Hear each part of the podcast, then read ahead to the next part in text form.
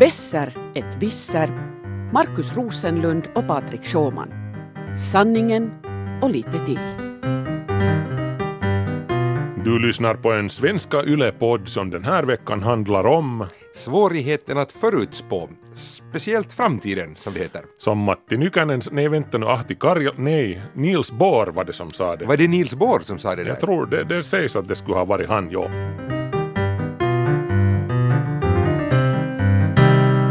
Så i Finland tillskriver vi det Karjalainen och Nykänen helt bara av inhemska skäl. Nåja, men vet du, det är ju sant hur som helst. Så Niels Bohr var redan ute där eh, och talade om det där. I alla fall så jag tänkte nog ta oss tillbaka till Finland lite här. Den, eh, under senaste tid har jag gjort många samtal, jag har ringt omkring till ministerier och andra och det är inte bara jag, det är också en kollega Kristoffer Grön här på Men det är det du får lön för, kom igen. Så är det, så är det, men vi har faktiskt ringt om det eh, kanske mest komplicerade man kan göra som en journalist idag, vi sitter ringa Sitta ihop en IKEA-bokhylla. Ja, det är förstås, men, men jag talar om vårdreformen som vi har försökt det där, få till stånd här, eh, som, som, där det skulle behövas många sexkantsnycklar faktiskt.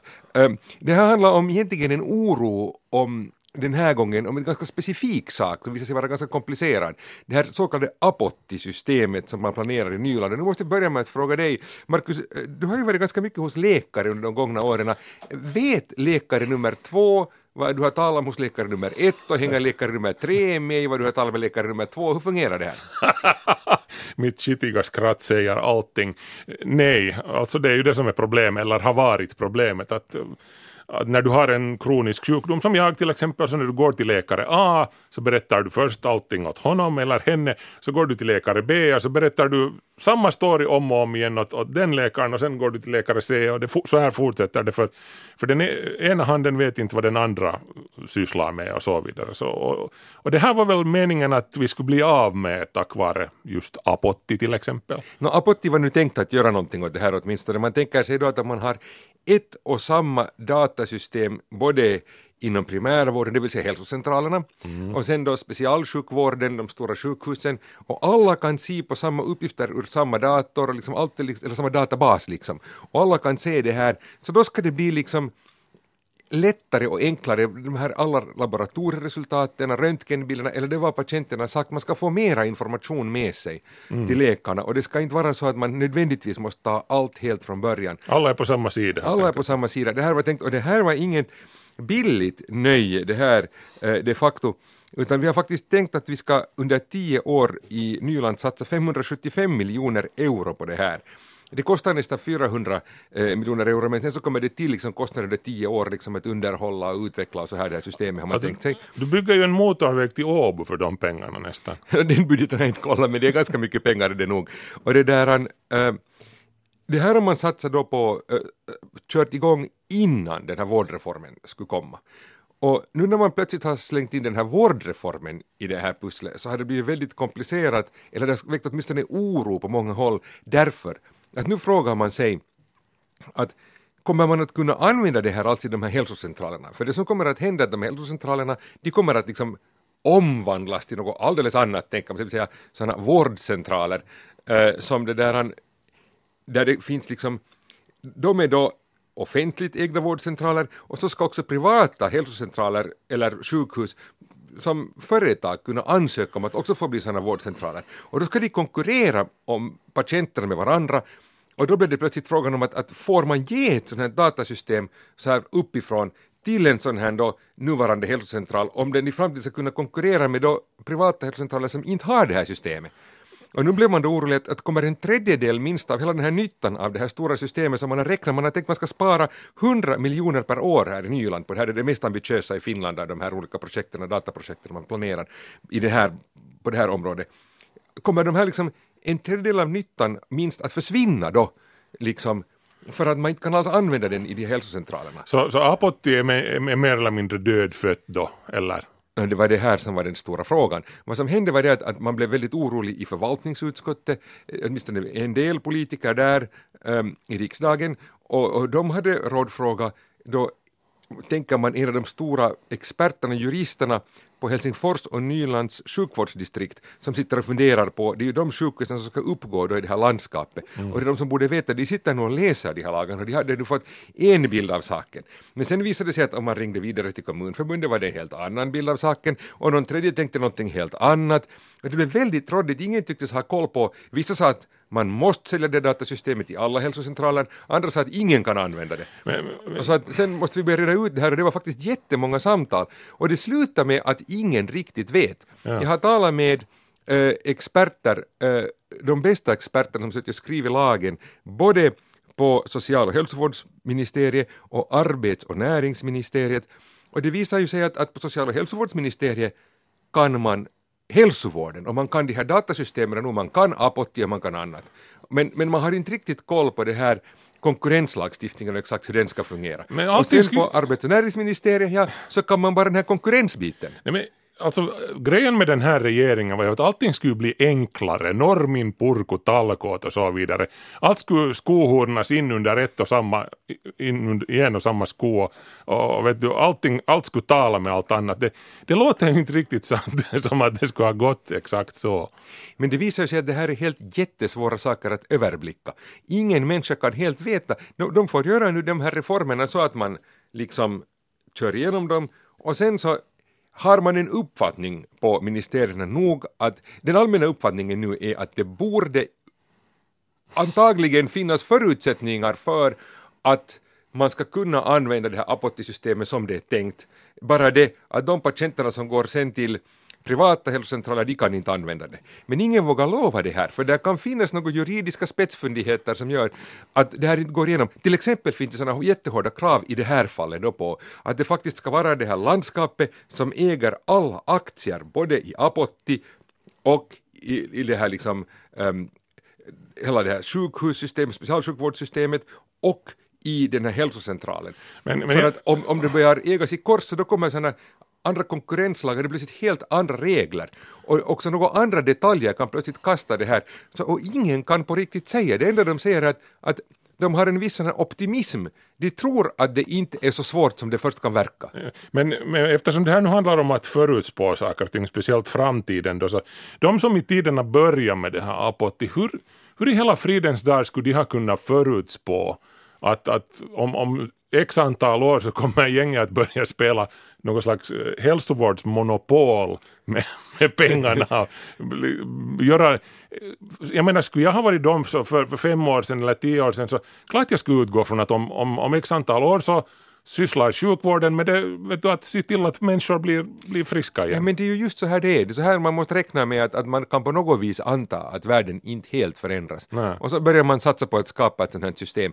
Och nu så, så är det mycket möjligt att det kommer att gå ganska smärtfritt, men det kan ingen garantera i dagens läge. Men så kan det också hända att det kräver liksom att man om, omorganiserar, man kan fixa det med liksom att bolagisera rätt del eller flytta, köpa in rätt aktier till rätt ställe eller någonting sånt här. Se till att ägaren, det är sånt här liksom man måste, i det nya, allt kastas om och alla kort delas om och sen måste man titta att får man det att fungera och det är nog, men, men det är jättesvårt och de som nu skriver den här vårdreformen, de skulle ju i princip kunna veta vad de som, liksom, att apotti finns, det kunde ju liksom, man kan ju inte gå den vägen att apotti skulle se framtiden. Men också det är jättesvårt, man kan inte se att hur kommer sådana här reformer på riktigt att fungera, man kan bara dra upp liksom riktlinjer som borde vara klara och sen får resten av världen rätta sig efter det. Ja, jag råkar ha i min nära krets en- en person som jobbar på, på Folkpensionsanstalten och som har berättat för mig hur det går till där. Alltså, det är ju, de är åskledaren för den här blixten, alltså från riksdagen. Du har, du har riksdagen som som vet du, vart fjärde år väljs om och så får alla en massa snärtiga idéer som de vill börja förverkliga. Så säger de åt, åt Kela, åt Folkpensionsanstalten att hördu, nu gör vi så här. Och så sätter Folkpensionsanstalten igång och, och designar system och ritar upp och funderar att hur skulle det kunna fungera. Och sen om två eller ett eller två eller tre, hur många år den sen är, så, så har riksdagen ändrat åsikt och sen, så, så säger de att nej, att nu, nu gör vi inte så, så, så där utan nu gör vi så här istället. Och, och, och det är ju, de är ju helt alltså, på, på randen till utbrändhet på Kela jämt och ständigt. För Vet du, Ja, vilket ju inte är så roligt, vi behöver ju dem. Nej, nej, precis, ja, men vet du, åratal av, hur skulle det kännas för dig? Du, du skulle ha suttit och jobbat på, på ett eh, program, en dokumentär i, i, i tre år. Du har åtta till fyra varje dag, eh, svinlånga dagar, dina nerver är tunna som, som smörpapper. Och sen kommer någon och säger, nej vet du, nu, nu skiter vi i det här, nu kör vi med något helt annat. Du får börja om från början. Det här är ju nog någonting som finns på väldigt många håll och det är, Det är nog ju- för de som är anställda alltid väldigt irriterande. Eh, det vill jag ännu säga om det här är att, att det som också här eh, om jag hoppar lite tillbaka, eh, för att ännu rodda i den här eh, vårdreformsoppan. Så samma sak som allt det här kommer att gälla laboratorier och röntgentjänster och till och med tvätterier och mattjänster som idag sköts centralt på vissa håll av de här liksom centralsjukhusen. Så allt det här kommer att roddas på samma sätt som det här Apotti-systemet. Så att här är många saker, många kort som de måste lägga om och, och, och de kommer säkert att få agera också åskledare på samma sätt som den här eh, Folkpensionsanstalten. Ja. Eh, Men- Men, men, det är ju inte alla som, som eh, nöjer sig med sådana här svårigheter och risker. Mm. Det är ju också, kan man notera, här nyligen Alexis Stenfors har besökt Finland. Känner du till vem han är? Nej, eller det var han som sjabblade bort en massa pengar för var det Lehman Brothers eller Goldman Merrill Sachs? Lynch, Ah, Merrill Merrill Lynch banken, en annan som gjorde stora eh, förluster. 456 miljoner dollar lyckades han som eh, så här valutaplacerare liksom få dem att gå på minus. Man, man köper nästan ett Apotti för de pengarna. det är det där. Han, ja, det, var inte, det var inte jättebra, det var 2009. Han har skrivit en bok om det här, också Riskitecken, som har kommit ut på finska. Och det där han, eh, det, det är ju en, han berättar där att, att liksom eh, på den nivån så blev liksom en risktagningen en drog.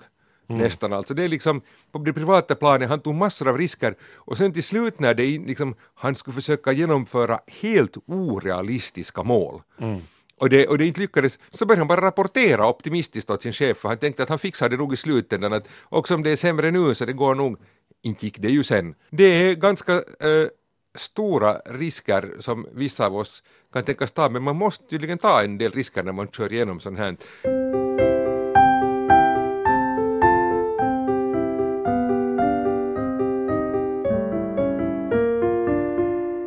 Du har funderat på ännu större risker. Ja, du menar plasten, ja, som vi Är alla... plasten den stora risken? plasten, eh, det och, och den där uh, SOTE-reformen är ju- vårdreformen, ja. som, som förr eller senare kommer att driva omkring i världshaven. Vet du. Okej. Alla engångsmuggar och sånt där som tjänstemännen har kastat ifrån sig när de har suttit och funderat på vår vårdreform kommer ju att flyta omkring i skräpvirveln i Stilla havet. Eh, nej, alltså jag har funderat på, på plasten. Det kom en nyhet här helt nyligen från eh, Japan, eller det är egentligen brittiska forskare som har de har hittat på ett sätt i misstag, mer eller mindre så som de stora uppfinningarna ofta går, att skapa enzymer som bryter ner plast. Eh, det här fick mig att tänka på för ett antal år sedan, för nästan tio år sedan när vi byggde stuga i Ingo. Eh, så då grävde vi då på bakgården där för att uh, gjuta sockeln och grävde bort lite, lite utjord. Och där, då hittar jag plötsligt när jag gräver där så hittar jag gamla filburkar. Valj och vili stod det på dem. Men Man kunde ännu helt tydligt läsa texterna på, det, på, de, på de här burkarna. Och då tänkte jag att vem har varit och grävt ner filburkar här? Så frågade jag min mamma som har tillbringat somrarna där på Holmen redan på 60-talet. Att det är mummos och muffas filburkar. Vet du? För på, på den tiden så inte bara man med sig skräp hem till stan igen. Utan man grävde ner det på bakgården. För, för Så så, för, hur ja. gamla var de då? När de var nu nästan 50 år gamla filburkar, där låg de fortfarande och såg ut som om de kunde ha varit nedgrävda igår. Lite bleknade, kanske de där färgerna, men, men i alla fall, där, där, där var de. Och, men mommo och muffa och deras generation, vet du, de var ju bland de första som började använda plast överhuvudtaget. De, de kunde inte liksom tänka en situation där någonting är för evigt, att du kastar bort det och så ligger det där ännu om, om, om tusen år. För dem var det ju trä och, och vet du, andra sådana här naturliga fibrer som gällde och de förmultnar ju med, med åren. Men, men plast, det, det, tar, det försvinner egentligen aldrig. En, en legokloss ligger där i 30 000 år mer eller mindre oförändrad.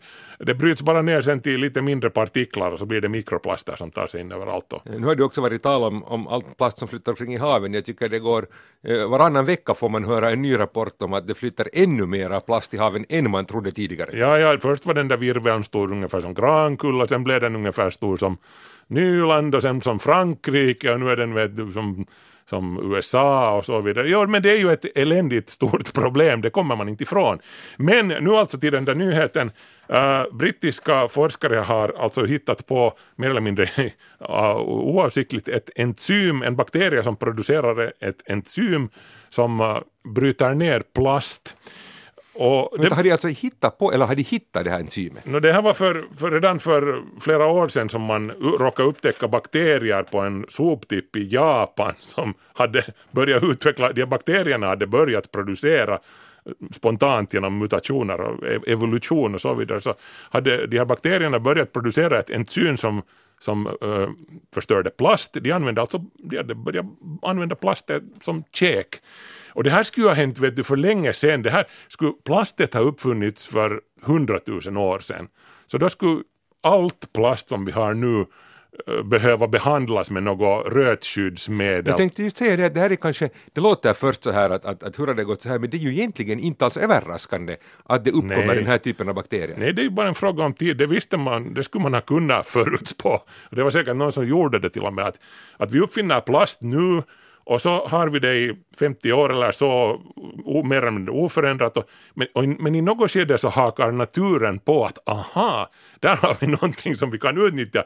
Och, och så muterar naturen fram några bobbor, bakterier som producerar enzymer som, som, som får det här plastet att försvinna inför våra ögon. Och, och, så här kommer det ju att gå. Och, Men hur tänker man använda de här bakterierna nu? Alltså ska, det, ska de kunna lösa våra problem med plast i haven eller är det plast i marken eller är det, vad, vad är tänkt? No, det finns nu sådana planer åtminstone vet du på att man tar petflaskor, de här engångsflaskorna och och, se, och, och bussar de här bakter, enzymproducerande bakterierna på det och, och bakterierna, enzymet bryter ner de här PET-flaskorna till sina ursprungliga beståndsdelar och så, så gör man nya plastflaskor av det. Det skapar ett sånt här omlopp så att säga. Men, men det är ju, vet du, alla som har sett på Jurassic Park så vet, vet ju hur det går i sådana här fall. Det som ursprungligen var tänkt att hållas där inom ett eh, inom den här anläggningen, inom de här rostfria ståltankarna så kommer ju att läcka ut förr eller senare. Och, och, så har vi hela naturen full av det. Det finns till och med de som ser framför sig en situation där man kunde frivilligt gjuta ut den här bakterielösningen i oceanerna så att, så att de här bobborna då kunde börja bryta ner de här stora skräpvirvlarna. Ja, det som skulle hända då är ju det, eftersom det finns en massa plastpartiklar i haven är ju det att, att de skulle föröka sig så de skulle liksom eh, sprida sig runt hela jorden till alla hav var det finns plast. Precis, och jag menar varför begränsa sig till haven? Det är klart de skulle sprida sig upp på land också, så är evolutionen.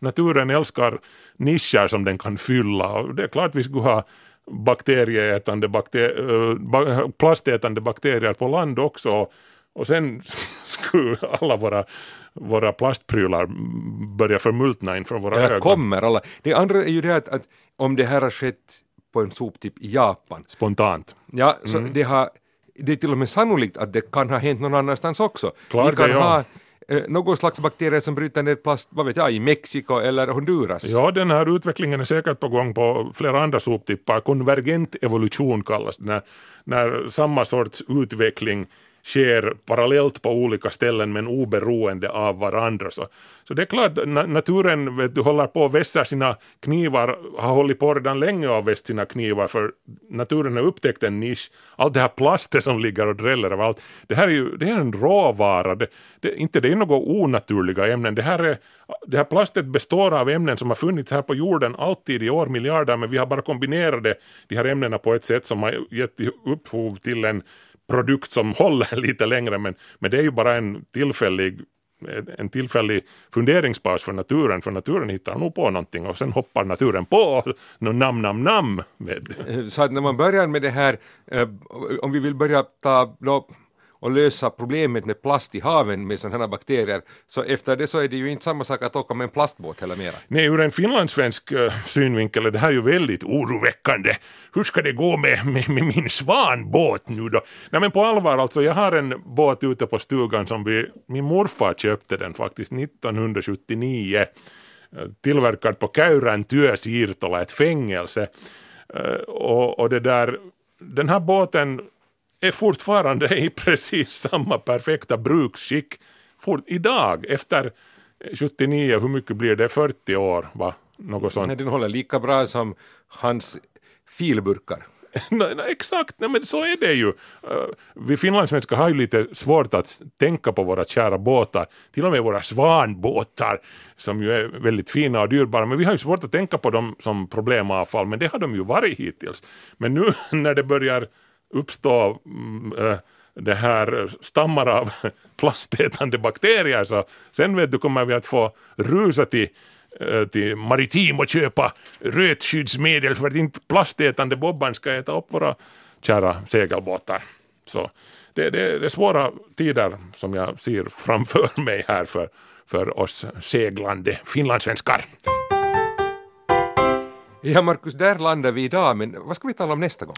Eh, när det gäller att förutspå saker, speciellt då framtiden, så, så det, är ju, det är ju en sak, man, man kan ju inte tala om absoluta uh, sanningar, absoluta storheter, att Nej. det här kommer att hända, utan speciellt inom kvantmekaniken så, så det handlar helt och hållet om sannolikheter för att en elektron ska vara på ett visst... Du är tillbaka hos Niels Bohr. No, nu är jag tillbaka där vi började, hos Niels Bohr.